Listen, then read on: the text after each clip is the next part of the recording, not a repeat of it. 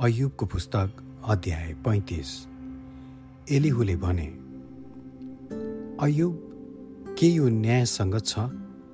परमेश्वरले मलाई सफाइ दिनुहुन्छ? भनी तपाईँ भन्नुहुन्छ। तापनि तपाईँ उहाँलाई सोध्नुहुन्छ यसबाट मलाई के लाभ र पाप नगरेर मलाई के फाइदा हुन्छ? तपाईँ र तपाईँका तिनजना मित्रहरूका विरुद्धमा म आफै बहस गर्नेछु। माथि आकाशमा हेर्नुहोस् र विचार गर्नुहोस्। तपाईँको मासतिरको बादललाई निहालेर हेर्नुहोस्। तपाईँले पाप गर्नुभएको भए त्यसले उहाँलाई कसरी असर पार्छ?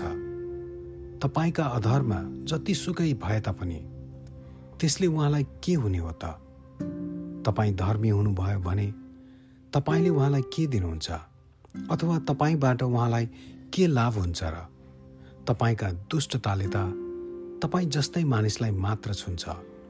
तपाईँको धार्मिकताले त मानिसका सन्तानलाई मात्र प्रभाव पार्छ। अत्याचारको भारमा परेर मानिसहरू कराउने छन् र ठुलाहरूको शक्तिको विरुद्धमा सहायताको निम्ति पुकारा गर्नेछन् तर तिनीहरू मध्येका कसैले पनि यसो भनेर सोध्दैनन् मलाई बनाउनु हुने मेरा सृष्टिकर्ता कहाँ हुनुहुन्छ जसले राति गीतहरू दिनुहुन्छ?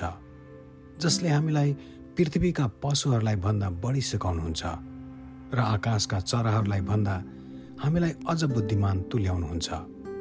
मानिसहरूले पुकारा गर्दा उहाँ जवाफ दिनुहुन्न किनभने तिनीहरू अहङ्कारी छन्। साँच्चै नै परमेश्वरले ती खोक्रा बिन्तीलाई सुन्नुहुन्न। सर्वशक्तिमानले त्यसमाथि ध्यानै दिनुहुन्न। जब तपाईँ भन्नुहुन्छ म उहाँलाई देख्दिनँ उहाँले तपाईँको बिन्ती कति कम सुन्नुहोला। जब तपाईँको मुद्दा उहाँको अघि छ र तपाईँले उहाँको बाटो हेर्नुपर्छ परमेश्वरको रिसले दण्ड दिँदैन र दुष्टतामाथि उहाँले कुनै ध्यान दिनुहुन्न। यसरी अयुबले फोस्रा कुरा गर्नुहुन्छ र ज्ञान बिनाका शब्दहरू मात्र थुपार्नुहुन्छ। आमेन।